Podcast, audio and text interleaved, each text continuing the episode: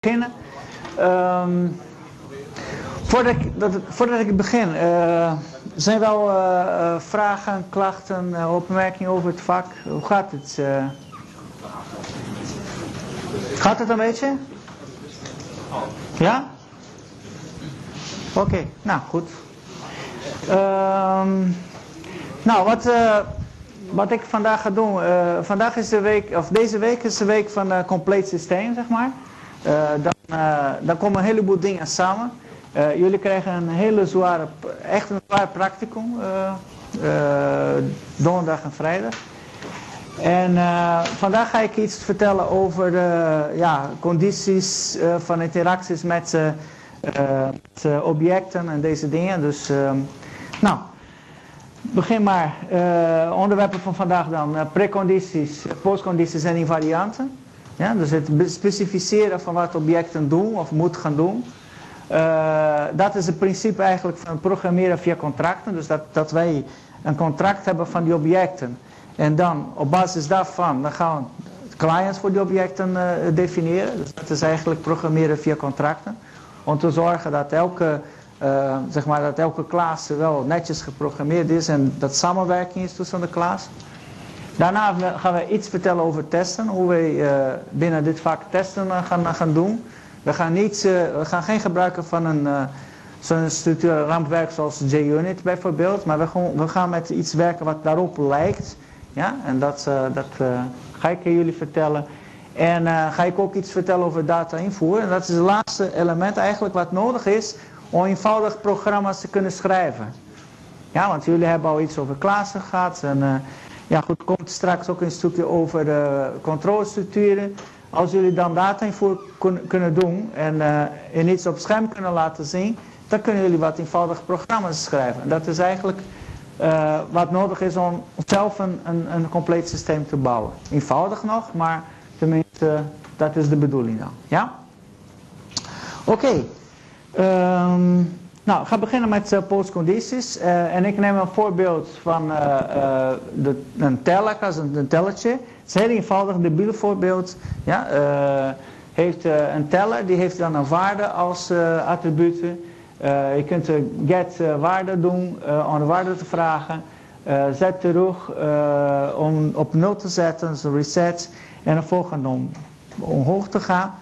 En de gebruiker van de teller, dat is een tennisser. Ja? Gewoon een voorbeeldje. Een voorbeeldje weer.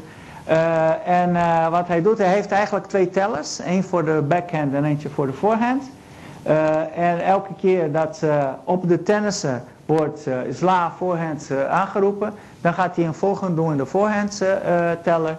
En de sla backhand is natuurlijk een, ja, een, een volgende in de, de backhand teller.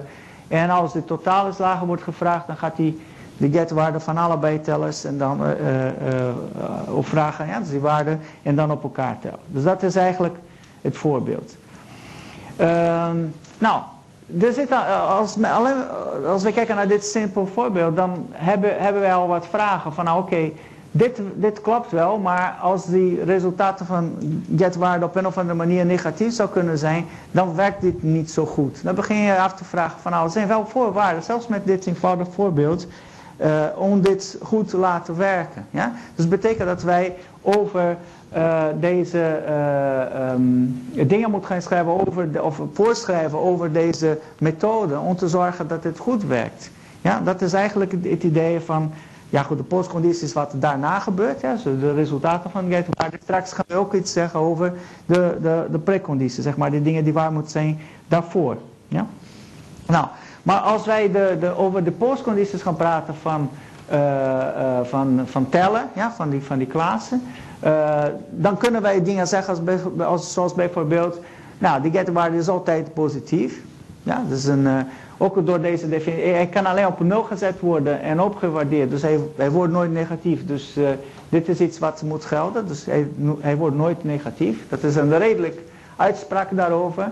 Uh, en doordat het zo is, dan hoeft de client ook nooit gaan testen.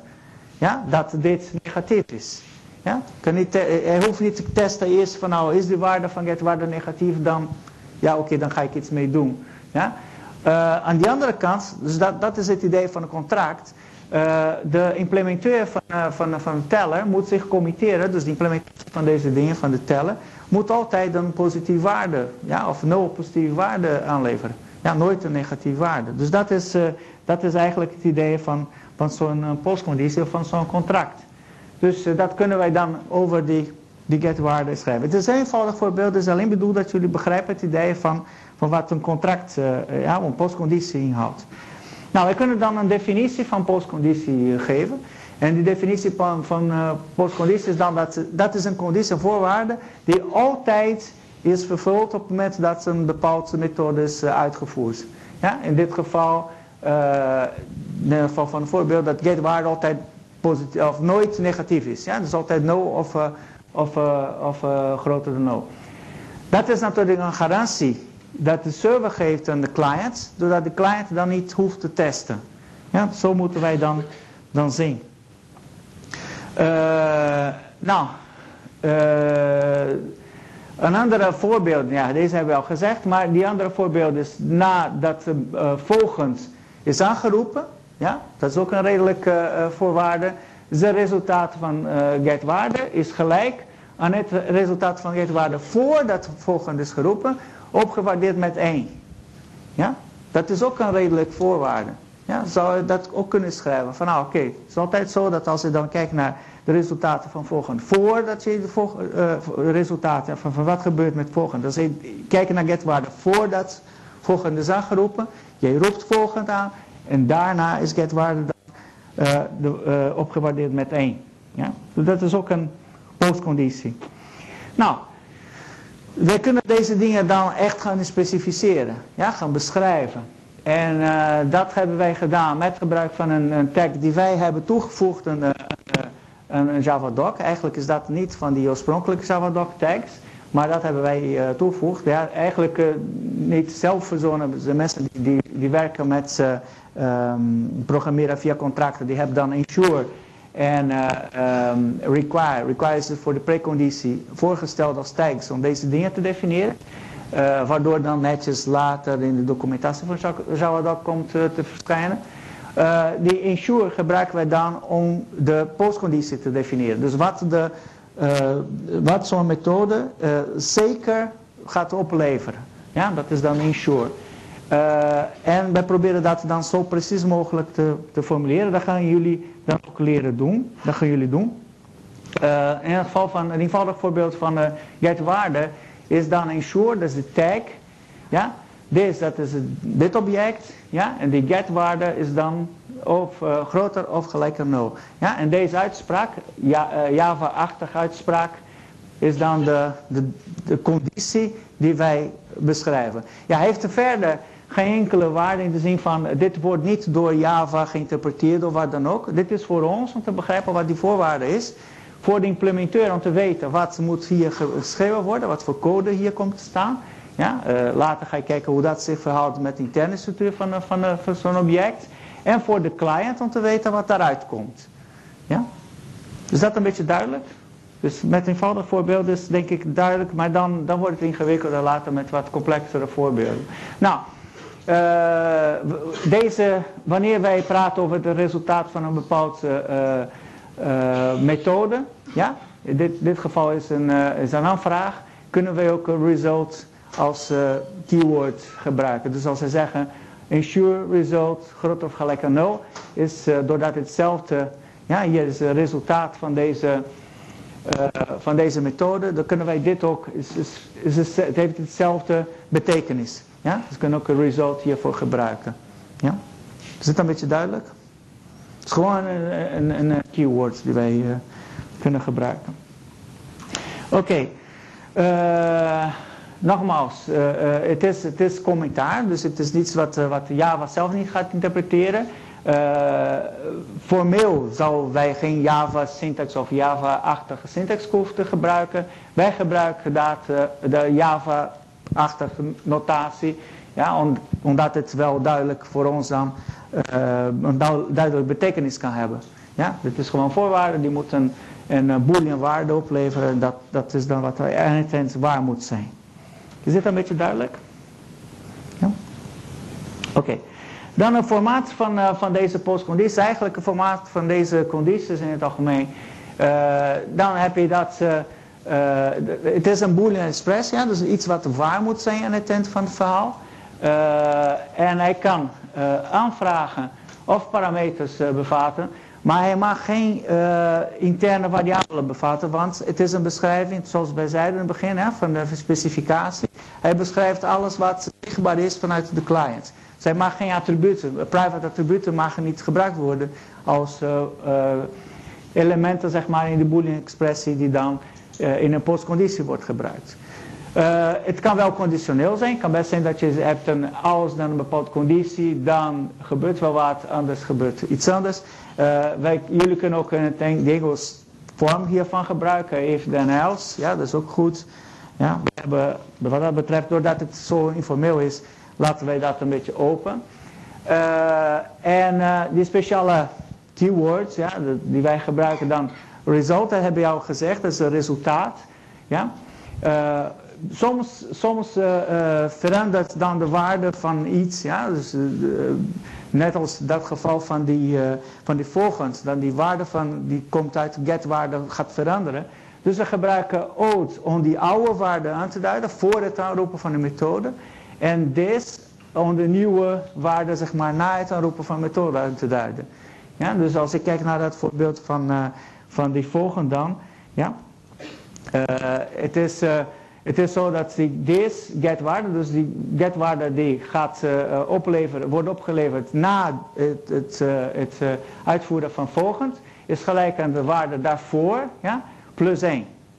Ja, dat is een manier om dan te beschrijven wat is die invloed van volgend op die zichtbaar gedeelte van, van deze van deze klasse. Ja? Van, van een object van deze, van deze klasse. Is dit een beetje duidelijk? Ja? Oké. Nou, we hebben al gezegd wat gebeurt daarna. Ja, wat moet daarna gebeuren. Er zijn ook dingen die, die, die moeten gelden. Ten opzichte bijvoorbeeld van, de, uh, van, de, van die parameters die wordt gegeven aan een bepaalde methode. Ja, om te zorgen dat de methode goed functioneert. en dan een, een voorbeeld. Uh, nou, stel maar dat wij een, uh, een set waarden uh, methode zou introduceren om die waarde toch handmatig te, te zetten. En niet zo verstandig misschien, maar stel maar dat wij dat zouden doen. Nou, in dit geval weten we wel dat die waarde, dan de get-waarde, wordt gelijk een, een, een w wanneer, ja, dit, nadat dit uitgevoerd gaat worden. Ja? This hiervoor kunnen zetten. Maar dat is dan de, de, de, de, postconditie, dat is in short. Maar ehm, het probleem is, als wij dit combineren met de postconditie van getWarde, die ook uh, groter of gelijk aan 0 moet zijn, ja, dan komt hier een soort van preconditie voor de waarde van w. Ja, namelijk dat die waarde van w mag ook niet, uh, dat moet ook, uh, ook 0 of, of groter dan 0 zijn, mag niet negatief zijn. Anders is de, de, de postconditie van getWarde niet meer geldig. Ja? Dat is logisch, toch? Ja? Oké, dan uh, moeten wij dat dan gaan specificeren als een preconditie. Dus de conditie op die uh, parameter die wordt gegeven aan setwaarde. Ja?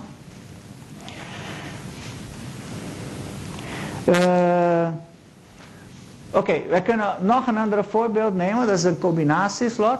Combinatieslot heeft een constructor, krijgt een combinatie, een integer. heeft deze uh, methode is open om te testen of het open is. Heeft een methode en een commando om te sluiten. En, en dan kun je cijfers invoeren. Ja, en dan gaat hij hopelijk open. Ja? Nou, en we nemen aan dat, dat deze combinatie slot dan gaat alleen maar werken, goed werken als de waarde, ja, die heeft zeg maar we nemen, nemen aan dat drie getallen zijn, drie uh, uh, integergetallen zijn. Dus de combinatie zelf, dan moet een getal zijn tussen 0 en 999. Ja, alleen voor het gemaakt.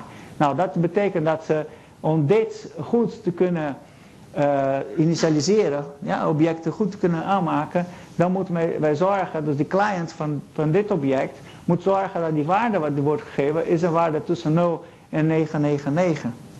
Ja? Uh, en het gebruik van de cijfers, hetzelfde verhaal, ja, die zijn, die zijn als integer gedefinieerd. Eigenlijk zijn ze breder gedefinieerd dan wat. Hè? Dat is het idee.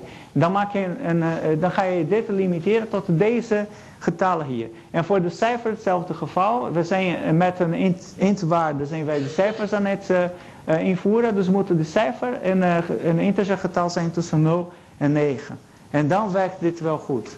Ja? Maar goed, wat is de consequentie hiervan? Wij, wij moeten dit dan hier als een beschrijving geven. Ja? Ze zeggen van nou dat is een beperking van deze dingen. Als je dat niet doet, dan weet je niet meer. Dan kan ik geen garantie meer geven dat mijn object goed gaat definiëren. Dan geef ik dat aan de client. En de client gaat zich gedragen volgens de voorschriften van deze, van deze methodes hier. Van de constructor en van, de, van het gebruik van de voercijfer.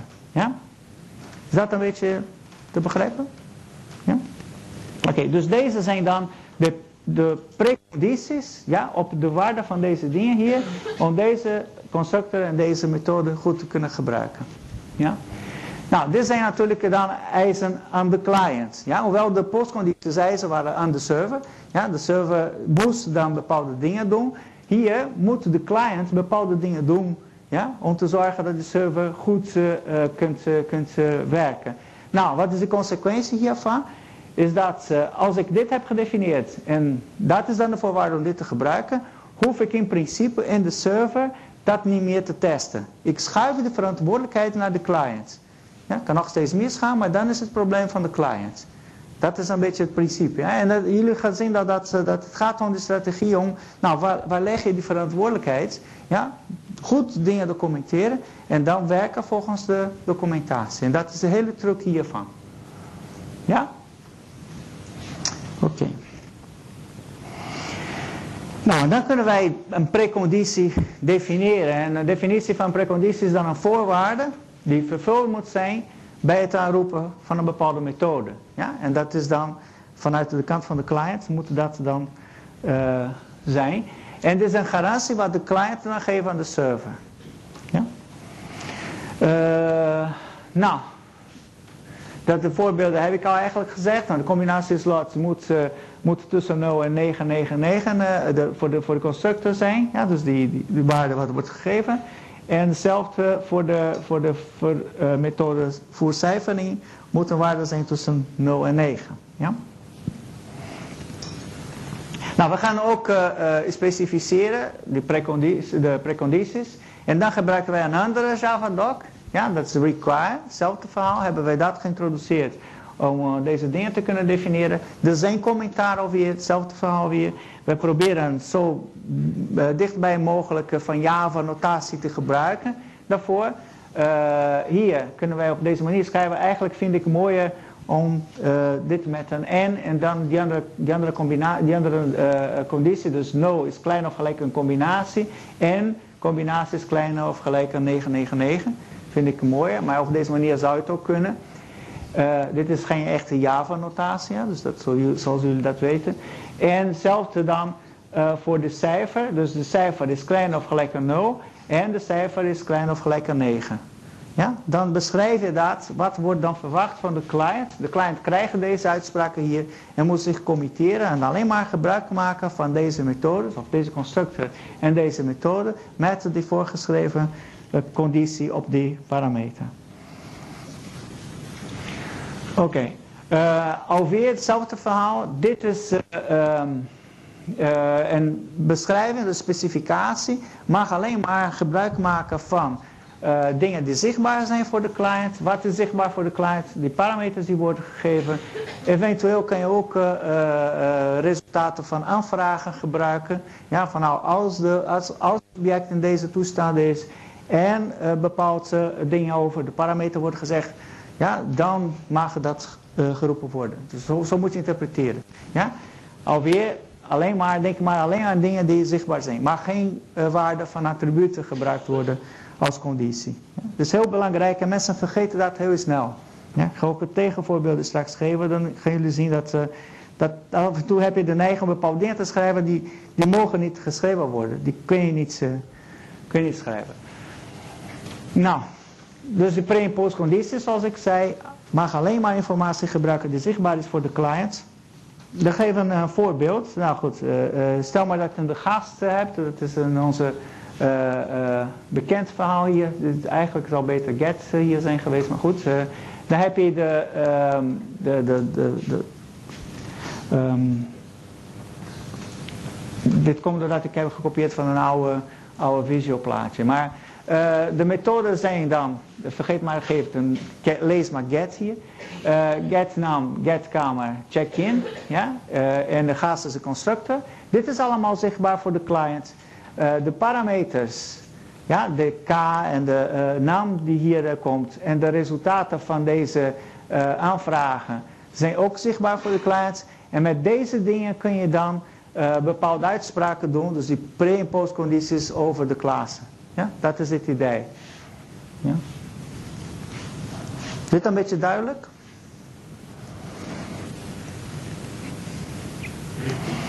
Nou, uh, wat gebeurt nou is dat de implementatie, wat, wat, wat ook je object gaat doen, dan moet voldoen aan deze specificatie. Ja? En voldoende specificatie betekent dan dat gegeven dat de client uh, zich gedraagt volgens de voorschriften van de preconditie, ja, dan is de postconditie waar. Ja, zo moeten jullie dan uh, dat interpreteren. Ja? En doordat je hebt een soort van lust, hè? dan komt uh, de preconditie, gebeurt iets in de client en dan heb je die, post, de, ze, hebben die preconditie, gebeurt iets met, uh, binnen de server bedoel ik, ja, de serverobject. En dan heb je die postconditie. Doordat je die dingen hebt, betekent dat die interne toestand van het object, ja, moet dat uh, ma waarmaken. Ja, dus het geldt in het begin een bepaalde uitspraak, dan gaat het object iets doen. En dan geldt die uitspraak en het geldt die postconditie. Ik ga straks wat een voorbeeld geven. Maar zo is het beeld wat jullie moeten, moeten beginnen met, uh, met maken. En dat heb ik een plaatje voor, zeg maar. Je hebt een preconditie, dat is waar. Ja, de, client voldoet aan die dingen. Die geeft dan de input wat nodig is. Nou, hier gaat, de, gaat het object iets doen. Ja, dus hier heeft te maken met de interne organisatie van het object. Wat voor de voor de buitenwereld niet zo belangrijk is. Wat wel belangrijk is dat nadat dit uh, is geëxecuteerd, die methode is geëxecuteerd, dan uh, is de postconditie waar. Ja? Dus dan gaan jullie zien dat in heel veel situaties kun je zeggen van oké, uh, door het iets zeggen over de interne structuur van, van, de, van object, ik ga ook zeggen hoe dat precies werkt, dan combineer dat met de preconditie, kan je best, kan je zelfs eventueel aantonen dat de postconditie waar is. Daar is waar mensen eigenlijk naartoe willen. Het is niet altijd mogelijk, maar dat is eigenlijk het bedoeling. Dus uh, deze uh, interne situaties hier die waar moeten zijn, ja, die heten dan invarianten. Ja? Zijn die dingen, de interne condities van de server, die moeten gelden ja, om te garanderen dat gegeven de postconditie, dan de, postconditie, uh, de preconditie klaar is, sorry, dan is de postconditie na het executeren van de methode wel waar. Ja? Dan ga ik, uh, ga ik wat concretere voorbeelden hiervan geven. Nou, uh, een heel eenvoudig voorbeeld die voor de hand liggend is, ja, en dat heeft ook te maken met dat verhaal van de get en set, is dat in de tellerklasse, ja, de interne variabele waarde moet altijd positief zijn. Ja? Want hij zegt van oké, als je dat gaat zetten, dan, moet, dan, dan wordt die positief. Als je gaat lezen, moet altijd positief zijn. Doordat een direct lezen van de variabel is. Dus de interne conditie wat waar moet zijn, is dat ze, sorry, die waarde moet, mag nooit negatief zijn. Ja? Dus of een 0 of uh, groter dan 0. Is dat een beetje het duidelijke verhaal hier? Nou goed, ik ga wat meer voorbeelden geven van die varianten. Oké. Uh, dan heb je die definitie van die variant. Het is een algemene definitie. Het is een voorwaarde die altijd vervuld moet zijn ja, binnen, de, binnen een bepaald object. Uh, of een klassinvariant in dit geval uh, geldt voor alle instanties ja, van, van een klasse. Van alle objecten van een klasse.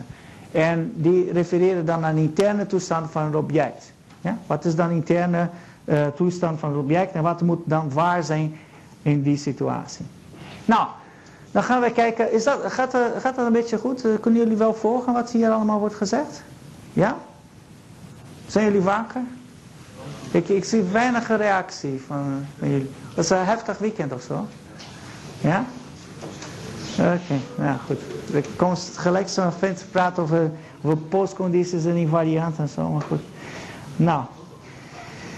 Uh, nou, we gaan dat specificeren weer. Ja, en dan om dat te specificeren hebben wij een speciale tag uh, geïntroduceerd. Hetzelfde verhaal. De tag is dan, uh, wordt gezet binnen een bepaald commentaar. We gaan een Java-achtige notatie laten doen.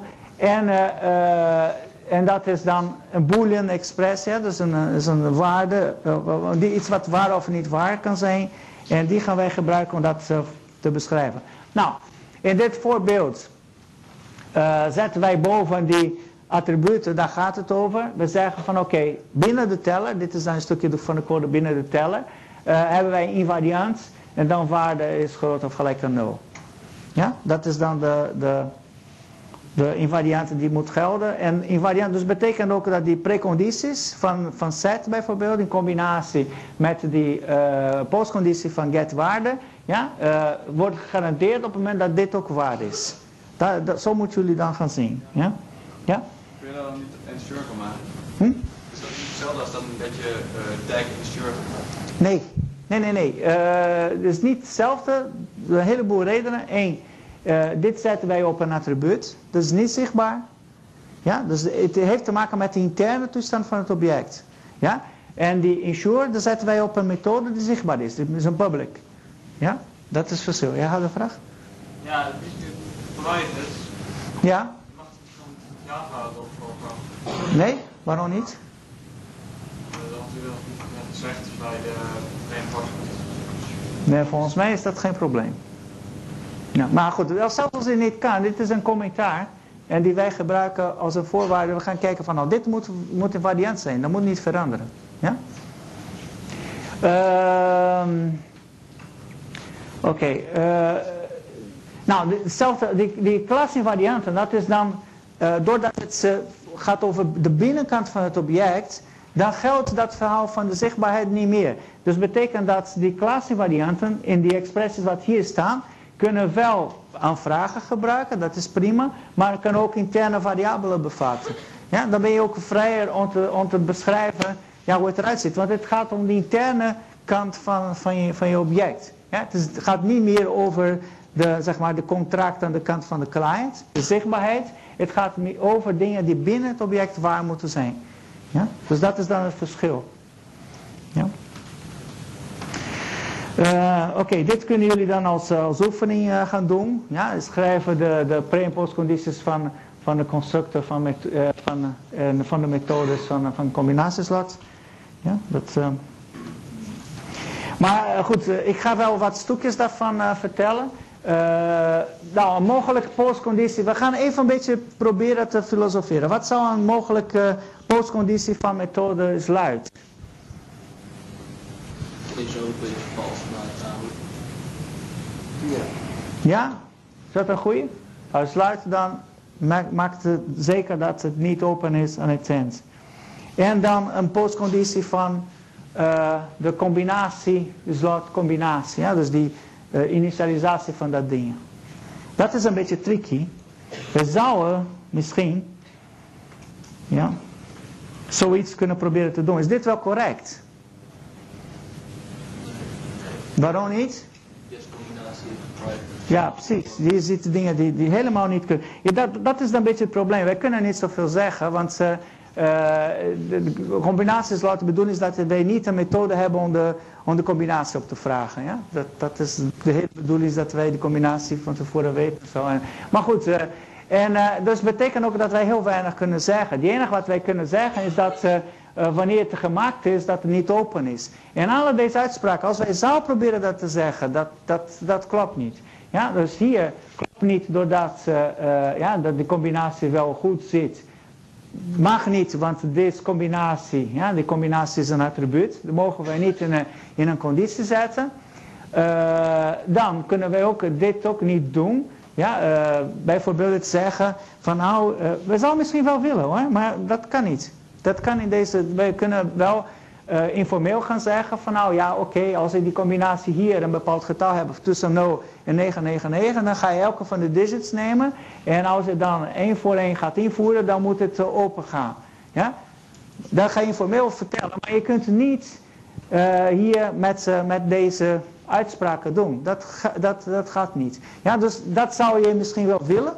Ja, maar dat, dat kun je niet met, met Java, met, sorry, met, de, met gebruik van deze methodes doen. Want je hebt geen methode waarmee je dit kunt, kunt uitdrukken. Dus het enige wat je eigenlijk kunt zeggen is, wanneer die combinatievloot is aangemaakt, is dan, ja, is dicht, is niet open.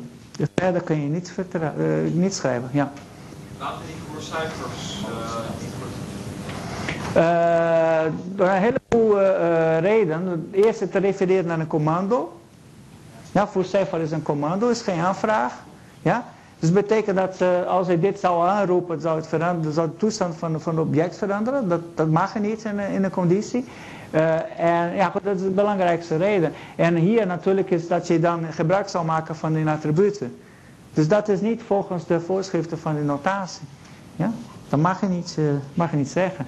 Hoewel je zou misschien willen zeggen van nou, op het moment dat ik een slot heb gemaakt met het getal hier, dan als ik elke van die digits achter elkaar invoer, ja, dan gaat de ding open. Maar ja goed, dat, dat kun je niet zeggen. Uh, nou, dan kunnen wij uh, bekijken van nou, hoe, hoe, uh, hoe bepaal je wat ik dan wel en niet mag zeggen. Los van het feit dat je ja, gebruik mag maken van de, de dingen die zichtbaar zijn alleen. En ja, wat de regels die ik net heb gezegd. Je moet ook denken in termen van, jij schrijft een stukje code vandaag, ja, en morgen ga je misschien hergebruiken. Ja? Ga je misschien specialiseren. Dat, dat gaat uh, uh, volgend college, begint al een beetje over. Ja, over, uh, over en deze dingen. Maar goed, denk maar voorlopig van nou, je schrijft een stukje code vandaag. En, en morgen ga je misschien specifieker maken of ja, weet ik veel. Ga je dat ding gebruiken. En met die, nog een andere voorwaarde is dat ze de stukjes code die gebruik maken van je code, moet nog steeds kunnen werken met de nieuwe dingen wat hij gaat doen. Ja? En dat is heel belangrijk voor onderhoud, voor het nieuw, maken van nieuwe versies van het systeem. Ja? Dus als ik dan vanuit ga van deze uitspraak, ja, dan moeten wij kijken wat gebeurt met de precondities en postcondities. Dus één uitspraak die we hebben dan is, maak die preconditie niet te sterk. Ja? Dus, uh, uh, nou, voorbeelden van de teller. Uh, nou, we kunnen zeggen, zetwaarde dan is w is groter dan 0. En, en stel maar dat hij een vorige zou hebben, ja. En, en dan de vorige dan, en, en de getwaarde is groter dan, dan 0. Ja, mogelijke postcondities, precondities. in dit geval is, is wel goed, maar in dit geval zal misschien te sterk zijn. Ja, want als je dan op een of andere manier de dingen doet terug gaan tellen en weet ik veel allemaal, is dit misschien uh, te sterk. Ja? Dus dat is dan een beetje het idee. Dan moet je kijken van nou, hoe wordt dat, uh, dat later gebruikt. Ja. Waarom zou je bij die twee prikkel niet Hm? Oh nee, nee, dit is een methode. Hè? Ja, maar dat, dat mag wel. Dat mag wel een preconditie hebben op een, op een, uh, op een, op een methode. Ja, het is, het is, wat, is dan, wat moeten die toestanden zijn van het object om dat te gaan roepen? De consequentie van deze is dat uh, elke keer dat ik dit ga roepen, dan moet die client, dat, dat is eigenlijk het verhaal, moet die client de get waarde gaan, gaan aanvragen, kijken of het groter is dan 0. En als het zo is, dan mag hij vorige gaan, gaan uh, ja, snap je? En daarom... Ik zou het als postconditie uh, zeg maar dat die waarde van vorige, dat die sowieso... Ja, ja, goed. Ja, dat je dan kunt stoppen. Maar dat, dat is precies wat ik, uh, wat ik, wat staan hier. Hè? Die, dus die argument om, om, uh, om voor, ja, dus dat, uh, is dat, dat als ik dit zeg, dan spaar ik een test van de server. Die server hoeft niet te testen of dit zo is. Ja? En dat, hier zit een situatie van, je wil nog steeds niet dat die waarde kleiner wordt dan 0. Eigenlijk moet je ergens stoppen of zoiets. Daar zit een beetje ingebouwd in deze discussie. Een nadeel van deze is als je dit zo zet, en dat is de reden om niet te doen, is dat je dan de client gaat verplichten om eerst een test te doen, eerst de getwaarde te roepen, om te testen van nou is dat groter dan 0, en als het zo is, dan mag voor geroepen worden. Het is alweer dat verhaal van waar plaats je de verantwoordelijkheid. Snap je? In dit geval is het misschien verstandiger om deze uh, preconditie niet te zetten. Dus een true, altijd waar, mag altijd gebruiken is slaper ja, dan deze preconditie. Dus dan wordt niet zo sterk gemaakt, waardoor de server moet gaan testen. Ja, om te zorgen dat het niet, niet kleiner wordt dan 0. Dus als hij op 0 dat gaat roepen, dan blijft hij op 0 staan of wat dan ook. Ja? Maar dan hoeft die client dat niet van tevoren gaan testen. Dus dat, daar zit altijd de, de verantwoordelijkheid. Ja? Welke? Als je het volgende aanroept, dan nog een keer volgende, daarna het vorige. Ja? Dat betekent dat je ik snap je opmerking. Dit gaat alleen maar over die vorige. Ja? Dat, dat, hier staat dus eh, een, eh, een voorstel om het zo te doen. Ja? En dan gaan wij analyseren of het een goed idee is. Dat als ik een vorige introduceer. En de semantiek van vorige is trek af. Ja? Dus dat is, en, eh, en dan dat, die, dat, eh, dat ik dit als preconditie geef. Ja? Dus die client moet voldoen aan die conditie. Nou, ja, snap je? Dan moet die client eerst gaan kijken van nou, wat is eigenlijk de waarde van dat ding en mag je die voor gaan roepen. Dat is, dat is deze situatie hier. Voordeel, server hoeft niet te testen. Andere situatie, de client gaat testen. Ja? Goed zo. En dat willen dan voorkomen. Dat de, wat we zeggen dan in dit geval is misschien beter toch om, de testen binnen de server te doen. Ja? Ehm, nou, dan het principe eh, van het programmeren via contracten. Die heb ik al de, postconditie, oh, de preconditie, postconditie en die varianten genoemd. Ja? Eh, is dat eh, als de client voldoet aan de, aan de precondities, ja?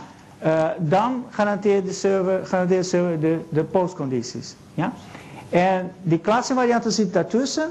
Ja? En die proberen te, te zorgen dat dit allemaal waar wordt. Een soort van, een soort, een soort van vergelijking. Hè? Zeggen, oké, preconditie plus invarianten is gelijk aan postconditie. Zo'n vergelijking krijgen een beetje. Ja? Soms kun je dat dan netjes en formeel eh, beschrijven. Eh, misschien ook aantonen. In andere situaties dat, dat kan minder. Maar goed, dat is eigenlijk wat wordt, wordt eh, geprobeerd hier. Nou, en dan heb je de vraag van nou, is zo'n client te vertrouwen? Ja, dat, dat is altijd de vraag die, die, die naar voren komt. Je, schrijft een code van een server. Ja, wie schrijft de code van een client? Eh, Oké. Als je zelf, ja, zelf de persoon is of je, je maatje die dat doet, dan is dan misschien wel te vertrouwen. Eh, andere mensen, ja, weet ik niet. Misschien moet je heel goed dan definiëren, ontkijken van nou ja, er moet de client te vertrouwen zijn. Eh, dan kan je zeggen van nou wat gebeurt als de client de precondities niet, niet eh, gaat vervullen. Ja, dat is ook een vraag. Wat, dat moet, moet kijken wat gebeurt. Nou, in het algemeen, als wij heel formeel gebruik maken van deze ja, dus eh, preconditie, eh, interne structuur en postconditie, dan gaan wij vanuit de client wel aan de, conditie, de preconditie voldoet. Dan, op het moment dat, die, dat een methode niet voldoet, dan die methode misschien, ja, bijna zeker, gaat die postconditie niet vervullen. Misschien andere methoden die afhankelijk zijn daarvan, die gaan dat ook niet vervullen. Die varianten die worden op een gegeven moment ook niet meer gerespecteerd. Ja? En op dat moment dan is een grote kans dat het programma gaat verongelukken. Ja? Dus dat is die andere kant van het verhaal. Dus dat is wat wij proberen te voorkomen door die precondities te definiëren en te programmeren volgens de precondities en postcondities. Ja? Dus dat is, dat is het hele verhaal. Ja? Is dit een beetje duidelijk? Ja? Nou, eh, even kijken wat, eh, wat zijn de, de manieren om om te gaan met dit. Ja? Dus eh, eh, je, je kunt een aanname nemen dat, eh, dat de, de client altijd de precondities zal vervullen. Neem ik geen maatregelen in het programma. En dit, dit werkt goed wanneer, wat ik net zei, wanneer de client en de servercode worden geschreven door dezelfde persoon of in, in, een grote, in een hele sterke samenwerking. Ja, dan kan je deze dingen wel doen en dan zijn de consequenties misschien niet zo. De, de, de kans dat dat, dat gaat gebeuren, ja, een fout gaat gebeuren, is klein. Eh, andere aanname is eh, dat de client kan of uh, zal zelfs een fout maken, maar het programma is een applicatie die niet zo kritisch is, dan kun je wel, ja, ja doe, doe maar een restart en dan gebeurt het, dan begint je alweer. nou, wat wij kunnen dan doen is in de server kunnen wij sommige van die, van die precondities testen en er bestaat een uitspraak in Java die veroorzaakt een uh, exceptie. Ja, een uitzondering. En die laat het programma dan op een nette manier verongelukken. Die zegt van oké, ik heb een fout in de preconditie gevonden. En dan gooi ik een exceptie. En later gaan jullie leren wat dat is. Maar het is een manier om het systeem op een nette manier te laten verongelukken. Ja? Je kunt er dan uh, die invarianten gaan bewaken. En dit, dit kan, ook doen, kan je ook doen vooral in grotere programma's. Het is wel aan te bevelen in grotere programma's. Ja? Dus dat je ook die varianten uh, gaat bewaken, uh. Van op het moment dat die varianten niet meer waar is, dan heb je geen garantie meer dat het systeem uh, gaat werken. Ja, dat die programma gaat werken. Dan kan je ook misschien een exceptie gooien of iets doen van nou ja, jongens, dit, dit gaat niet zo goed. moeten herstarten of wat dan ook. Ja, dus dat is een manier om, toch die fouten op te vangen. En dat is natuurlijk wel uh, voor het geval dat uh, niet zo'n grote ramp is als het programma is verongelukt. Dus dit niet gebruiken bijvoorbeeld bij controle van een kerncentrale. Ja, dat is, uh... Nou, je kunt ook heel defensief werken. En dan het programma kan fouten maken, of een client kan fouten maken, maar het programma mag niet verongelukken. Dus dat betekent dat binnen de server worden alle precondities ook getest nogmaals. Uh, en als de preconditie niet wordt vervuld, heb je ook uh, noodoplossing. Ja? Dus heb je ook een bepaald stukje code die een bepaald herstelwerkzaamheden doen. En dat proberen toch, dat dit nooit gaat gebeuren. Dat die variant, ik bedoel dat altijd gaat gebeuren, maar dat die variant nooit zeg maar ongeldig wordt. Dat die variant altijd is gerespecteerd. Ja? Want dat is dan de conditie voor, voor, zeg maar, voor de stabiliteit het systeem. Ja? Dus dat is dan een bepaalde strategie uh, om te zorgen. Dus dat is dan wat, wat wordt gebruikt in kwetsbare applicaties. Ja? Zorgen dat die postcondities altijd zijn vervuld. Dus betekent dat als een preconditie niet vervuld is, is een noodoplossing die het systeem zichzelf laat corrigeren. Ja, zodat die postconditie altijd waar is en die variant ook altijd waar is. Ja? Is dit een beetje te volgen? Ja? Oké. Uh, ik zei al een beetje, um, wanneer wij contracten, uh, deze contracten schrijven, dan moeten wij denken in termen van uitbreidbaarheid. Dus uh, later wordt die, de server misschien vervangen door een andere server, die speciaal of, of op een specifiekere manier gaat werken of iets andere manier gaat werken. maar als ik niet oplet, dan heb ik er nog die oude, zeg maar die clients van die oude systeem, die moeten blijven werken. Ja? En bij het, het uh, definiëren van de uh, pre- en postcondities moet je altijd daaraan denken. Ja, dus dat, dat, was dat ding wat ik zei van nou maak die, die, die voor, voor, precondities niet te sterk en deze dingen. Dus je moet altijd denken aan deze dingen. Ja? En dus betekent dat we volgen bepaalde principes. wanneer een nieuwe versie komt van een bepaald object, dan kunnen wij de precondities verlichten. Ja? En als wij dat doen, dan werken die oude clients uh, nog steeds. Ja? Uh, en dat komt door de implicatie. Doordat deze dingen boolean uitspraken zijn. Ja? Uh, dus die oude condities, als de precondities lichter worden, dan die oude condities impliceren de nieuwe condities. Ik ga wel voorbeelden geven. De postcondities werkt andersom. Ja? Ze kunnen wel zwaarder gemaakt worden, en dan werken die oude clients nog steeds. En dat heeft ook, doordat ja, dat gebeurt, doordat die nieuwe postcondities impliceren die oude. Ik ga straks voorbeelden geven. Als ze zo lezen, dan is het een beetje moeilijk voor te stellen. Maar ik ga wel voorbeelden uh, lezen. Ja? Dus dat moet rekening houden met deze dingen wanneer je de pre- en postcondities geeft. Ik ga wel de voorbeelden geven, want zonder voorbeelden is dit niet, uh, niet te volgen.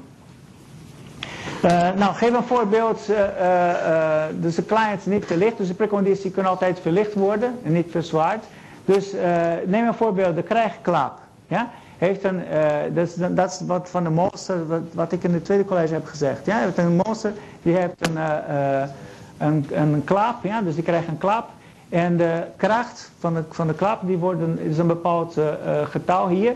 Ja? En dan zeg ik, nou, die kracht moet altijd groter of gelijk zijn aan 0. Ja? Uh, nou, de preconditie kan, kan later gaan verfalen. Ja? Dat kan, uh, kan, uh, kan, kan bijvoorbeeld een omgekeerde spreuk zijn. Ja? Dus, en dan, die oude conditie impliceert een nieuwe. Dus die oude conditie is, is een eend zonder beperking. Ja? Dus die, die, die, de groter of gelijk aan 0 impliceert dat in dit geval zit. Dus betekent dat uh, deze conditie ja, is, uh, kan wel vervangen worden door deze conditie. En de, dus altijd, ja, elke waarde dan ook. Ja, en die oude clients gaan altijd werken hiermee. Want deze oude conditie impliceert een nieuwe conditie. Ja? Dan kan ik altijd vervangen door uh, een, zeg maar een ander object die heeft als conditie, ja, maakt niet uit wat voor kracht het is, die oude klaar, uh, clients gaan nog steeds werken. Dat is het hele principe. Ja? En dan kan ik vervangen door een, door een andere server hier, die die omkeerspreuk situatie ook ondersteunt. Maar natuurlijk krijg je ook klap zoals die oorspronkelijk. Ja? Dat is een beetje het idee. Dus je kunt dat jij maakt dan de client niet te licht, die, die, kan dan verlicht worden. Ja, en dan krijg je deze situatie. Ja? Is dat een beetje te volgen? Ja? Oké, ik, ik zei, als, als ik alleen maar die uitspraken doe, is het zo moeilijk te begrijpen. Als ik dan voorwaarden, of die, die voorbeelden geef, dan hoop ik dat het beter te begrijpen is.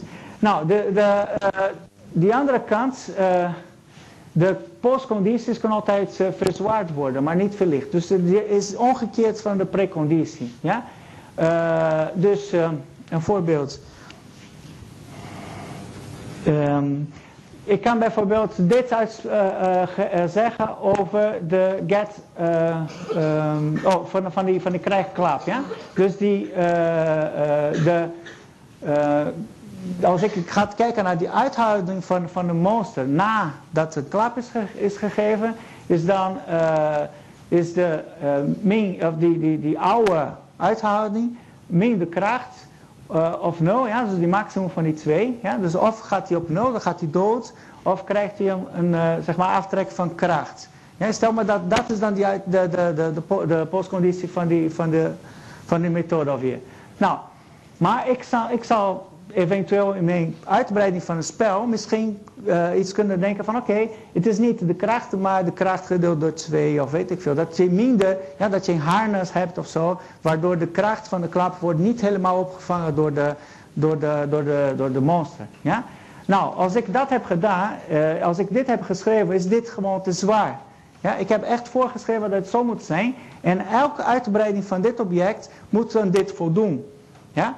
Dat is te zwaar. Dus eigenlijk, voor dit geval zou ik beter kunnen zeggen, uh, ik, ik weet niet precies hoeveel, maar uh, wanneer uh, ik een klap heb gegeven, dan is die uithouding van de monster kleiner geworden. Snap je? Dat is dan een, een lichtere uitspraak, waardoor ik dan elke kant op kan. Ja, ik ben niet verplicht om te zeggen van oké, de maat van, eh, van, uh, ja, van uh, uithouding, verlaging is de kracht. Ja, dus de kracht van mijn klap. Maar het kan ook zijn dat dat iets, iets anders is, op een andere manier werkt. Het enige wat ik zeg is, hij wordt niet groter. Ja, hij wordt, hij wordt kleiner. Ja? Snap je? En dan kan je alle kanten op. Dan kan je werken met deze nog steeds, maar kan je ook ja, een harnas introduceren of weet ik veel. Voor die uitbreidbaarheid, misschien begin je met dit ja, maar je weet niet waar het gaat. Dus je moet wel denken van nou, maken deze, garantie, deze, uh, deze postcondities uh, niet te zwaar. Want je kunt in de loop van de tijd wel zwaarder, ja, uh, strenge situaties hebben. En het is alweer gebaseerd op het idee dat eentje impliceert die andere. Ja? Is dit een beetje te volgen? Ja? Dus die nieuwe conditie dan, deze, impliceert die andere. Ja? Dus dat is dan wat je hebt. Dus, uh, en dan kan beter beginnen met deze. Ja, dan kan je heel veel situaties nog in de toekomst opvangen. Oké. Um, nou, we kunnen dan een specificatie van, uh, van een gast uh, geven. de postconditie van, van, van de gast. Uh, van die, uh, wanneer ik dan uh, gast, dat is de constructor, heb aangeroepen. De getnaam van de, van, de, van het object is gelijk aan de, aan de naam van, van wat ik net heb gegeven. Ja? en de kamer, dus neem aan dat op het moment dat de, kamer, dat de gast wordt aangemaakt, sorry, wordt, dan, wordt nog niet toegekend aan de kamer. Dus die kamer is gelijk aan 0. En de postconditie van getKamer is, uh, het resultaat is of nul, ja, als de gas niet, niet, nog niet gekoppeld is uh, aan, een kamer. En als het wel zo is, dan als ik dan de resultaatkamer vraag naar de gast, ja, dan is dat gelijk aan, aan deze. Ja? Of ik, ik kan misschien beter daar, laten gaan jullie begrijpen tussen de equals en, en gelijk, ja. Uh -huh. Bij de eerste zeg je iets over private variabele. Waarom mocht het Nee, het is geen private variabele. Maar die equals nou. Nou is parameter hier. Deze. Ja, ik moet allemaal schrijven, schrijven string zo, maar dit is dit. Het is niet de, de variabele naam, maar ja, het is de parameter. Is dat uh, een beetje te volgen? Nou, en uh, wat zou de preconditie zijn van... Sorry. Uh, wat zijn de precondities kunnen zijn van check-in dan? Nou, wat, uh, wat gebeurt dan uh, bij check-in? Ja? Je krijgt, en, je hebt een gast, je gaat de check-in executeren hier. je krijgt hier een kamer en dan wordt deze koppeling gemaakt. Ja?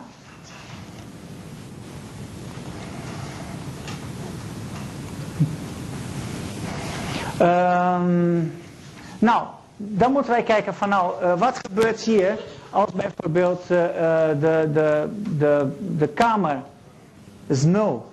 Ja? Nou, duidelijk als de kamer nul is, ja, dan als ik een, het set uh, gaast op een null pointer hier ga doen, dan komt een fout. Ja? Dus één conditie die ik moet hebben is dat... Hm? Ja, dat is één conditie dat die uh, kamer is niet nul. Uh, kan ook verder redeneren van nou, wat, uh, wat gaat gebeuren als gast al een kamer geeft. Ja? Goed, dit is een beetje afhankelijk van hoe je je programma gaat opstellen natuurlijk.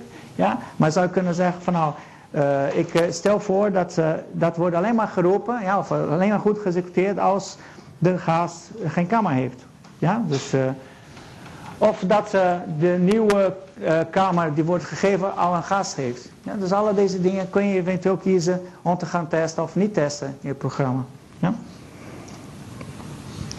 Uh, nou, en, uh, en er zijn een aantal alternatieven voor het oplossen van dit probleem. En ik kan zeggen van oké, ik gebruik met precondities. Ja, ik ga dat oplossen met precondities. Dus één conditie is dan uh, op het moment dat die gast uh, uh, wordt, als ik een getkamer wordt, wordt, wordt ga, doen, sorry, als ik een check-in ga doen, dat gaat om check-in methode, dan moet die kamer van dat object nul, van, van de gast nul zijn. Dus die gast heeft geen kamer. Moet zijn. Dan schrijf ik dat voor en dan moeten die clients dat testen ja, voordat dat gebeurt. En misschien wil je koken dat die nieuwe kamer uh, bestaat en is niet verhuurd. Dus betekent wel, uh, als, dit, is trouwens niet zo'n grote overheid, want als je een nieuwe kamer gaat aanmaken, dan, dan komt die kamer met leeg, komt leeg. Dus ik zou zeggen van als ik die kamer uit heb gemaakt, een object, dus de kamer niet bezet door een gas, dan voldoet aan deze, deze uitspraak. Ja, dat is voor de cliënt niet zo moeilijk te doen als je kunt combineren met die postconditie van de kamer natuurlijk. Ja? Van de kamerconstructor. Ja? Um, nou, een ander alternatief is natuurlijk dat je dan test in de, in de server. Ja? Dat, dan maak je een soort van combinatie tussen een commando, dit is een commando natuurlijk, en een, uh, en een aanvraag. Ja, wat je doet is je zet een booleanwaarde, dat is ook een klassieke, uh, klassieke manier om dit te doen. Dit is alleen, uh, dat is die assert om te kijken of die k 0 is. En zou je het ook kunnen zetten daar als extra conditie, maar je zou kunnen ook als een preconditie geven. en wat je... Wat je hier doet dan, als de kamer is 0 uh, en, of, en de, um, even kijken. Ja, dit is de conditie die je wil dat waar is. Hè? Dus de kamer is 0, dan is dit al, um, nou, dit is volgens mij omgekeerd, maar goed. de kamer is niet 0 en de, de gast is 0, dan, ja, dit moet niet 0 zijn. Uh, dan ga je dat doen wat we moeten doen. Ja? En dan geef je true terug. Ja? Zeker zien, maar volgens mij dit moet niet uh, zijn. Klopt. Hm? Maar dat wordt. De kamer is, de, uh, is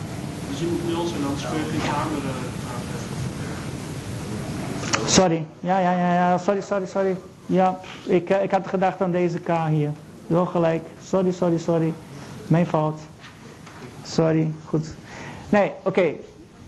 Klopt. Het, is niet, het was niet bezet. Zie hoe, hoe dat, dat vervelend is.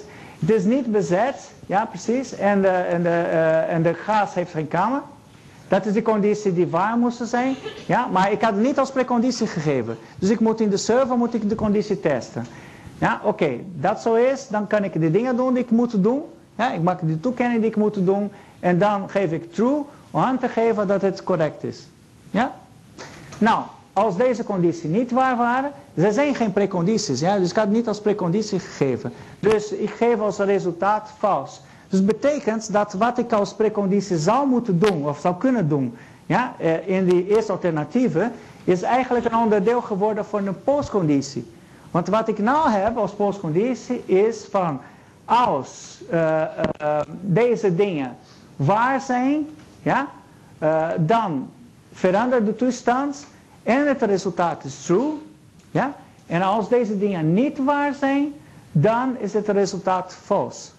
Ja? Dus wat eerder in, die eerste alternatief, in het eerste alternatief als preconditie gedefinieerd zou kunnen worden, in deze oplossing is een onderdeel geworden van een postconditie. Ja? Dus dan zie je dat, een, een, dat is een soort van, uh, ja, waar plaats ik die verantwoordelijkheden? En dat heeft te maken dan met uh, waar, welke uitspraak heb je in de preconditie en welke uitspraak heb ik dan in de, in de postconditie. Ja? Dus die voorwaarde nu komt, voor, komt terug in de postconditie. Nou, de postconditie van check-in wordt dan als ja, de kamer, get kamer is 0 en de uh, get gas is 0, ja, de result uh, is true, ja, dus er gebeurt wat, wat, wat ik wou. En de toekenning is ook, heeft ook plaatsgevonden. Dus de object is toegekend aan de kamer. Ja? En als dit niet zo is, als dit niet waar is, dan is het resultaat vals. Ja? Had je vraag? Nee, het was alleen maar het... nee, het is geen vraag? Ja, is goed. Oké, dan kan ik met die Java-achtige notatie kan ik dat gaan schrijven van nou, uh, deze conditie dan is waar, dan dit gebeurt, ja, dus en dat is dan uh, de this check-in, dat is hetzelfde als result. Ik zou een result kunnen, kunnen zetten hiervoor. En uh, doordat het boolean is, is dan voldoende te zeggen result, ja. En anders is dan niet result of niet this check-in K. Ik wil even pauzeren, ja. Oké. Okay. Ik wil beginnen.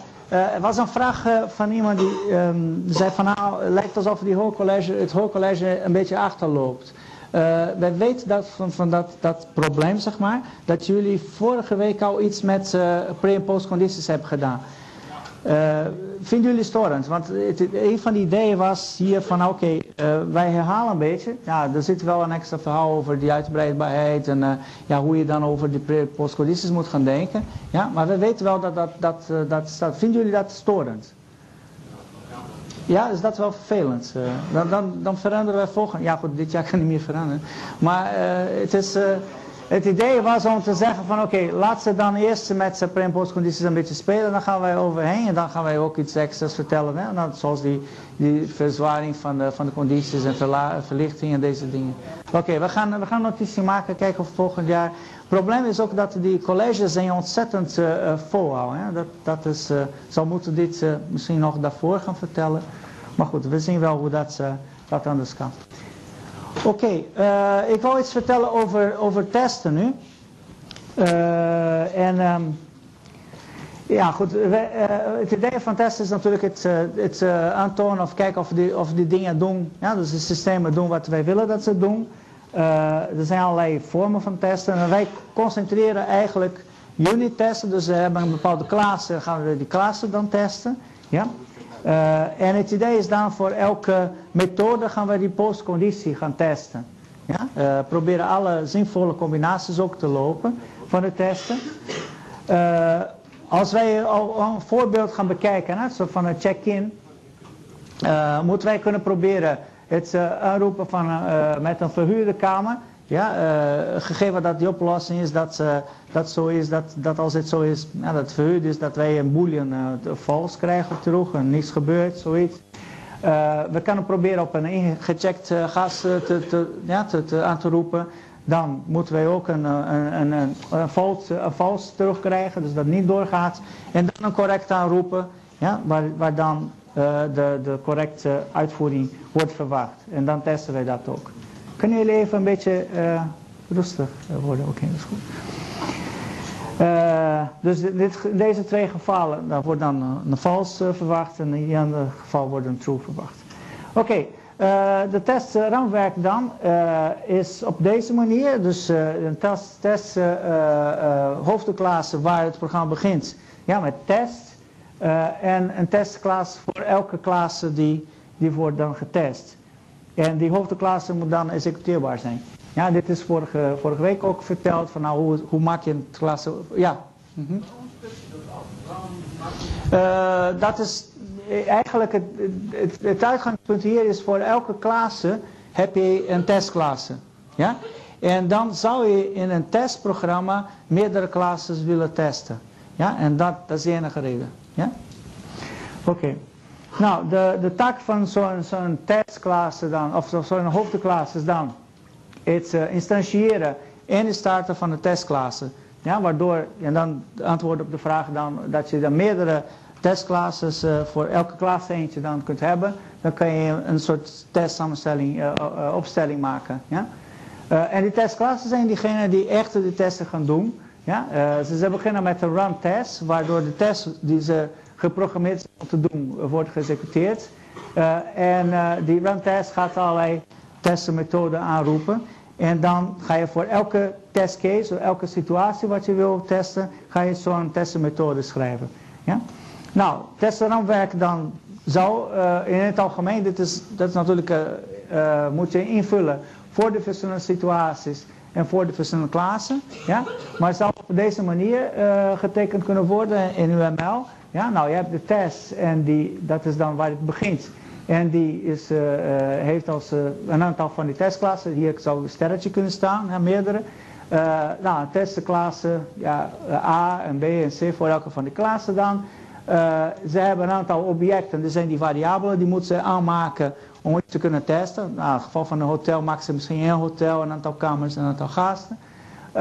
dan heb je die run waar de uh, testsituaties dan wordt aangeroepen.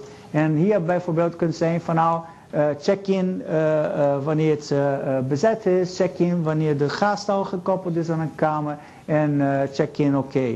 Ja? En dan kan je daarin ga je de verschillende situaties creëren. Dan heb een setup, dat is die zeg maar het creëren van initiële situatie, dus het initialiseren van alle, alle objecten die nodig zijn voor de test. En deze zijn twee hulpmethoden ja, begint er zoiets af te drukken en een uh, om te testen of uh, om te af te drukken of de resultaat wel de verwachte resultaat is. Ja, zo dit is een beetje die, het algemene structuur en dat is dan natuurlijk wel gekoppeld aan deze klasse hier, want je gaat objecten van deze klasse misschien van andere klassen ook aanmaken. Ja, dat is, het, uh, dat is de structuur. Ja? Is het een beetje te volgen? Ja? Oké.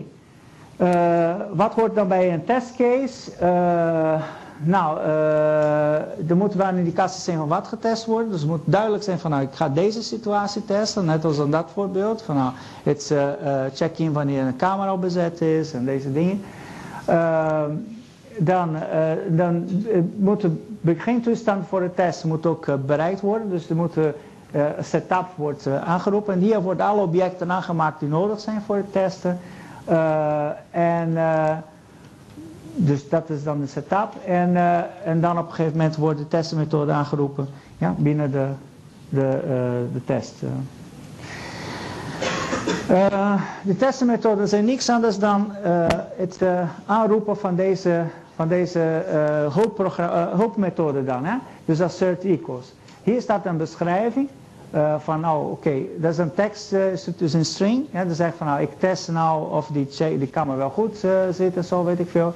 Nou die verwachte waarde dan zet je hier wat, wat het is en die werkelijk ga je dan ja, afdrukken wat werkelijk het geval is. Ja? Dan, dan kan je zien, als het afgedrukt wordt, als het, net als wat jullie hebben gedaan in het begin, ja, toen, toen jullie de klasfiles hebben gekregen, ja, jullie executeerden die klas, de klasfiles en kregen jullie een tekst over, nou dit wordt getest, verwachte waarde is dit en de werkelijke waarde is dat. En dan konden jullie zien van oké, okay, dit, dit klopt, ja, wanneer het klopt is wel goed. En wanneer het niet klopt, verwacht en werkelijk zijn anders, dan, ja, dan is de test niet goed. Ja?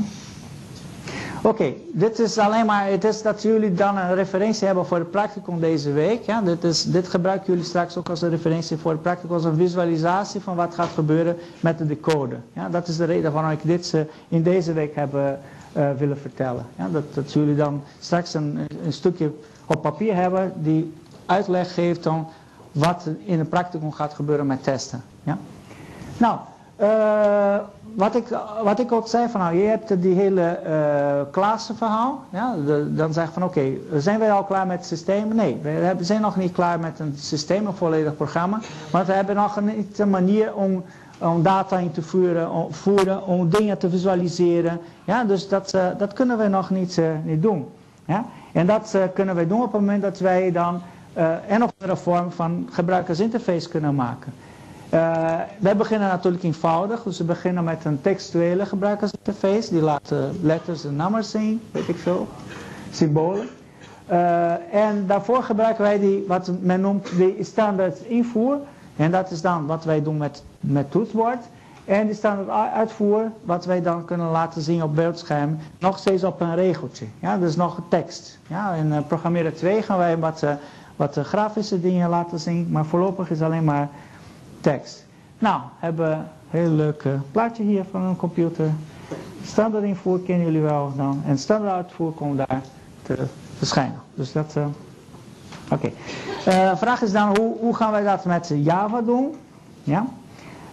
de standaard uitvoer, wanneer wij dat willen gebruiken, is een, bestaat een static variable. Ja? En dat is de system.out van, uh, uh, die, die zit in de Java Line System uh, klassen. jullie weten wel wat een static variable is, of niet? Ja, dus dat is eentje die bestaat voor de hele klasse. Ja? en bestaat de klasse printstream. Ja? en, en dan kunnen wij op de system out kunnen wij deze methode uh, gaan aanroepen. Print bijvoorbeeld met een string. Dus wat jullie doen eigenlijk is system.out.print en dan een bepaalde string hier. En als jullie dat executeren, dan komt het verschijnen op het scherm. Dus zo eenvoudig is dat. Ja? En uh, println, die schrijft een tekst en, en een regelovergang. Dus die springen naar de volgende regel. Dus dat is de meest, de meest eenvoudige manier om iets op het scherm te Dus aanroep, ja, system.out, dus de naam van die variabel, punt println, dus die heeft dan deze ja, deze variabel heeft deze klasse hier, die heeft de print en de println. En dan komt, uh, komt die tekst te verschijnen. Dus dat zo eenvoudig is het. Ja, dat moet alleen onthouden. Ja, system.out met hoofdletter system. Oké, dus het uh, uitvoeren is niet zo'n probleem. Uh, standaard invoer is ietsjes ingewikkelder. Er is ook een variabel system.in van input stream type. die heeft zelf geen directe bruikbare functionaliteit. Ja? Dus eigenlijk moeten wij andere dingen gaan gebruiken om, uh, om dat te kunnen gebruiken.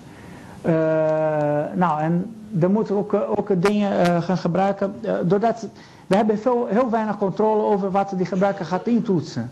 Ja, dan moeten we wel kijken van, nou, het is een stukje string, je moet kijken, zit er een integer daarin of zit een stukje tekst daarin weet ik veel. Er, zit er zijn heel veel commando's die maken het mogelijk om, om de invoer te, op te delen in stukjes, in regel, en, uh, regels of in, uh, in, strings en noem maar op.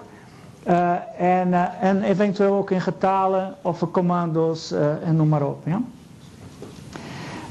een hulpklaas om dat te doen is de scanner, die zit in utilities. Ja, en die kan dan die, die, die deling in de regels en de deling, ja, of de uitzoeken naar getalen en deze dingen, kan wel uh, voor ons doen. Ja, kan helpen om dat te doen. Ja? En uh, hij werkt niet alleen op die input stream, niet alleen over, over dit, maar ook over een string. Dus als hij een string we willen laten scannen, dan kunnen wij deze klassen gebruiken. Dus wij, we kunnen midden van het programma en of van de string genereren en met scannen gaan analyseren. Eigenlijk is dat het idee. Maar het is natuurlijk wel uh, handig dat dit bestaat. Wij kunnen dan ook analyseren wat voor string die zeg maar komt uit de gebruiker. Ja, wat daarin zit. Ja? Dan kunnen wij op deze manier kunnen wij informatie in ons programma zetten. Ja? Is dit een beetje duidelijk? Oké. Uh, alleen waarschijnlijk die tweede druk van het boek uh, heeft een verkeerde versie van de, van de scannerklak. Hoeveel mensen gebruiken de tweede editie van het boek? Uh, ja? Dus voor de scanner moet je kijken naar die Java API en niet naar de... ja? Dus niet, niet wat daar staat in het boek is niet zo, is, is een oude versie die niet meer klopt met, met Java API. ik ga iets vertellen, het is een intermezzo en de reden waarom ik dit hier vertel is eerst dat het heeft te maken met, uh, met het uh, omgaan met uh, invoer. Ja, want je moet wel dingen herhaaldelijk gaan bekijken en zeggen van oké, is de invoer afgelopen of niet? En dan, als het niet afgelopen is, doe je wat of niet. Ja, als, als het afgelopen is, dan spring je daaruit. Ja, dus hebben jullie een soort van, van loop, of loose noemen ze dat ja, in, het, in het Nederlands. En een andere reden is dat ik twee jaar geleden had ik tijdens een college iets verteld over lus. En uh, de volgende dag hoorde ik dat uh, een aantal mensen dachten dat ik gek was. Die had geen flauw idee waarover het ging. Dus daarom vertel ik dat nu. Voor, een aantal mensen gaan dit heel saai vinden, oké, sorry. Andere mensen misschien vinden dit wel uh, belangrijk. nou, een lus of een loop in het, in het Engels is een manier om instructies te laten herhalen. Ja, dus hij schrijft je schrijft een stukje code en dan... Uh, kan, je, kan je even een beetje stil uh, worden? Ja? Oké. Uh, eh, dan dan moet je wel dingen gaan herhalen. Zoals ik zei, van, nou, je, je bent bezig met de invoer en dan, dan ga je kijken van nou, is er nog informatie die binnenkomt? Jawel, dan ga je iets nog doen. Nou, als informatie op, hè, dus niet meer te doen, dan springt hij daaruit. Wij blijven wel hetzelfde dingen doen, meerdere malen. Ja, dus dat is het principe van een lus. Lus heeft een basisstructuur en dat is, uh, dit, herhaalt zich. Ja? Dat is een, ook een patroon in programmeren, zeg maar. Uh, en die basisstructuur houdt het, uh, het heeft een initialisatie in het begin. Dan zet een bepaalde variabele op initiële waarde. er zit een test daarin. En de test heeft de, de lading van nou, moeten wij doorgaan of zijn we al klaar? Zijn we al klaar? Als wij moeten doorgaan, we hebben een romp. En dat zijn dingen die herhaald gaat worden. Dat zijn gewoon, het is gewoon een programmeerpatroon en uh, die wordt ook ondersteund door de taal. Ja, de taal heeft meerdere manieren om dat eigenlijk uit te drukken.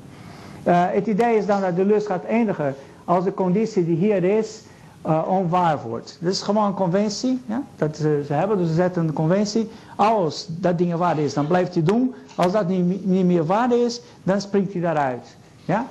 Uh, en die instructies in de rompen moeten ook zorgen dat op een gegeven moment de, uh, de conditie richting uh, het, het onwaar woord gaat. Anders heb je een oneindig lus. Ja, precies, want dan blijft hij gewoon draaien. Ja, dat is niet de bedoeling, meestal. Oké, goed. nou, een manier om dat, om dat te, te, uit te drukken is met een construct die heet while. Dan heeft de while heeft een voorwaarde hier. En als deze voorwaarde waar blijft, dan wordt de romp, uh, romp wordt, uh, geëxecuteerd, wordt uh, uitgevoerd. En op het moment die voorwaarde niet meer waar is, dan springt hij naar de volgende commando wat dat hierachter zit. Ja, de volgende regel wat hierachter zit. Ja, dus eigenlijk herhaalt hij herhaalt de romp zolang als de voorwaarde geldt. Dat is de bedoeling. Nou, geef een voorbeeld van een lus. Ja? Eh, dat, dat is binnen een methode. Ja? Dus dat is een methode, die zit daar uh, counts en weet ik veel, telt of ja, weet ik veel. Nou, uh, binnen die methode heb ik dan de initialisatie van de dingen. Nou, ik heb een index, ja, die gaat tellen. Die zet ik op 0, dus geïnitialiseerd. Die countwaarde is ook op 0 gezet. Ja? En binnen de loop ga ik kijken of die i is kleiner dan 10. Ja? Nou, als i is kleiner dan 10, gaat hij dan uh, ja, opwaarderen. De count gaat hij opwaarderen en gaat de index opwaarderen. Ja, dat is het idee. Nou, initialisatie ja, van de index daar. Conditietest, deze. Ja? Romp. Ja, hij doet wel wat. In dit geval telt hij. Ja? Ja, ja, dat kan. Dat zei ik ook, die taal heeft meerdere ma- manieren om dat te doen. Dat klopt. Ja. Mhm. Eh, pff, dat maakt niet zoveel uit. In wezen maakt niet zoveel uit. Meestal is die voor ook, eh, als je gaat kijken hoe het geïmplementeerd is, ook uitgesplitst in eh, initialisatie en testen en eh, executie. Maakt niet zoveel uit. Ja? Het zijn mensen die vinden voor mooier, want het staat in één uitspraak, voor eh i gelijk aan 0, conditie en die opwaardering zit ook daarbij. Ja? Dat is het voordeel van een voor eigenlijk, want die opwaardering in dit geval, in mijn voorbeeld, zit in de romp. Ja, en dan kan ik eventueel fouten maken. In de voor zou ik dat nooit, want ik zit die opwaardering buiten de, de romp. Ja.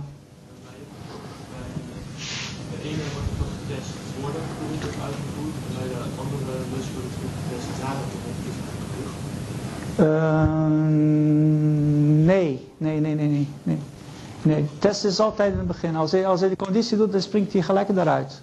Volgens mij. Als hij die conditie, en onwaar conditie, springt hij direct eruit. Ja. Volgens mij wel, volgens mij wel. Ja. Nou ja, eh, het, het, even kijken.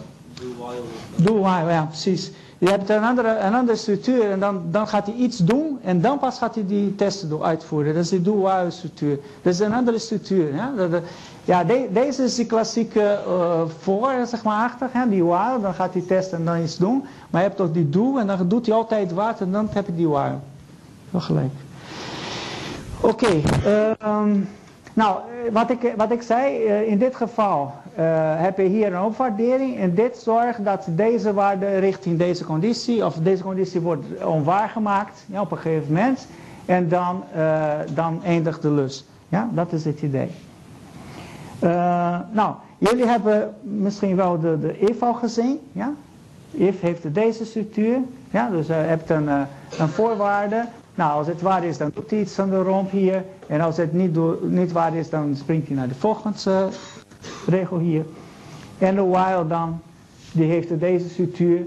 Hij begint hier, hij test de voorwaarden. Als het waar is, doet wat hier staat en dan komt hij hier terug. Dan doet hij dit totdat deze conditie niet waar is. Visualisering van wat hier gebeurt. Eh, kan, kan iedereen dat een beetje volgen? Ja? Ook mensen die problemen hebben, die niet, eh, geen ervaring hebben met programmeren.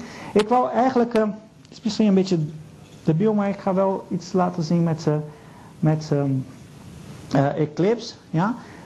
Dat is dan implementatie van een loop. Ik heb een methode loop gemaakt. Ik heb ja, alles in één klasse gedaan, is misschien niet zo netjes, maar het is alleen, eh, ik wil alleen dit even laten zien en ook laten zien dat het werkt. Als het, eh, in dit geval, om iets spannender te maken, eh, die count, count eh, dan heb je niet hetzelfde waarde als de count en de, en de index. Ja? Dus hij, hij telt eh, naar de, eh, bij 10. Ja? Dus wat de resultaten zou moeten zijn dan het eind is. Wat zou het resultaat moeten zijn aan het eind? Hm? 110? Waarom 110? 110? 100 count is 10 voor de index. Oh, oké, 110. Ja, ja, ja. Oké, nou, eh, wat ik eigenlijk wil laten zien is iets anders. Ehm, en dat is... eh the book has Java application. Yes. Nou, eh, ik wil eigenlijk jullie een beetje warm maken voor het gebruik van Eclipse vanaf volgende week. Ik wil laten zien dat dat, eh, dat toch... eh, wat ik heb gedaan hier is hetzelfde. Ja? Dus eh, hij, hij, heeft geëxecuteerd en ik heb een breakpoint hier gezet. Ja? Hij heeft mijn programma hier gestopt. En dan hierboven, doordat ik mijn view heb veranderd, heeft hij mijn, de waarde van mijn variabels laten zien. En dan kan ik hier, kan ik, stap voor stap kan ik dit gaan doen. Ja? Jullie zien dat op het moment dat hij dit heeft gedaan, ja, heeft hij hier gezegd, hé, hey, dat is 10 nu. Ja? Als jullie dan aan het debuggen zijn van nou, eh, ik heb geen flauw idee wat er aan de hand is met mijn programma, waarom hij niet doet. Dat is, een hele, echt aan te bevelen om dit te gebruiken. Zie, nou, nou is 1, i is, eh, is 1 geworden. Nou, dan ben ik hier. En als ik dan verder ga, dan kan ik eh, steeds gaan kijken. Ja? Wat die waarden van die variabelen zijn. Dus als jullie compleet eh, draad eh, kwijt zijn, ja, wat er gebeurt met mijn systeem, zet een breakpoint op een gegeven moment hier. eh, en dan kunnen jullie door, doorlopen. Maar goed, dat is, eh, en dan kunnen jullie zien ook hoe het uh, geselecteerd wordt. Hij gaat het tien keer doen. Dit allemaal met de hand. Zo. En wanneer het op deze situatie komt, dan gaat hij, wordt hij 100. Ja? En de i wordt 10. Nou, hij is niet meer gelijk, kleiner dan 10. En dan springt hij daaruit en dan springt hij eruit. Ja? Dus alleen maar om te laten zien dat inderdaad klopt wat ik, uh, wat ik daar heb gezegd en hoe het werkt ja? binnen het systeem, binnen, binnen het programma. Ja? Is dit een beetje nuttig om te zien? Of, uh, ja? Oké. Uh, nou kom ik terug bij de scannerklassen. Ja, als ik dat niet had gezegd, denk dat het moeilijker zou worden om, of, om te begrijpen hoe het werkt. Wat je dan maakt is, je, je kunt een nieuwe scanner maken. Ja, met de systeem in als, uh, als input. Dus die, dus die bron van, van de scan wordt dan het systeem in. Of kan een string tekst zijn. en als ik dan de dingen wil lezen van die, van die input of van de, van, de, van de string wat hier was, kan ik deze methodes gaan gebruiken. Dit is een testen, dus een next line is alleen maar sorry, dat is, dat is om te lezen. Sorry, the next line. Dan lezen de volgende regel. Next leest de volgende woord. Ja, en uh, tot de spatie. Of op het moment dat jullie dit aanmaken, kunnen jullie ook wat ze noemen de, de, um, tokens kunnen jullie definiëren. Ja, of dan gaat tot de spatie of punt komma of wat dan ook. Ja. Dus kun je ook definiëren hier. Maar het niveau is dan tot een spatie. En next int, dan gaat hij proberen de volgende gele getal te lezen. En hier kan een foutmelding komen als het geen gele getal is. Nou, er is ook een test, dus wat je kunt dan, je moet gaan gebruiken, voordat je gebruikt de next line, moet je de has next line gaan, gaan testen. En dat is doordat de next line werkt alleen, als een voorconditie, preconditie van next line, is dat de next line aanwezig is. Ja? Daarom zit dan, het is ook netjes of, eh, of, of, handig, want er zit een soort van structuur die al klaar is voor een, voor een loop. Ja? Dus de loop is while has next line, next line. En dan kun je doen ja, met die volgende regel. Dus je kunt dat netjes in een loop zetten.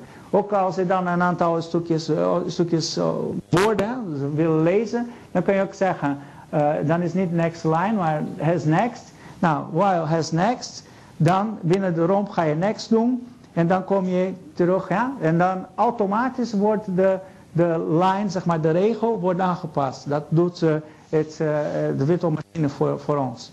Ja? Dan is structuur is heel erg gemaakt om in een loopvorm te gaan gebruiken. Ja? Uh, nou, dan zie je ook, dat staat hier, de preconditie van een next, next bijvoorbeeld, is dat has next is waar. Ja? Dus dan kunnen jullie zetten in een loop while has next. En dan binnen de romp next. Dan gaat ze, op het moment dat jullie dan ook lezen, dan worden die, die, de, zeg maar de, de volgende woorden worden aangepast. Ja, totdat er geen woorden meer is, dan is has next niet waar. En dan kun je uit de loop komen. Ja? Dus het gebruik van de, van de, van de scannen. Ja. Mm -hmm. Dat is... Ja, je, je, twee keer scannen in het systeem in, de werkkracht. Hm? dat je, je doet twee keer de constructie van de scanner. Eén keer in en één keer... Nee, nee, nee, niet twee keer. Je, dat zijn alternatieven. Of doe je met, uh, met dit, dan lees je van de invoer. Ja, is dan het invoer.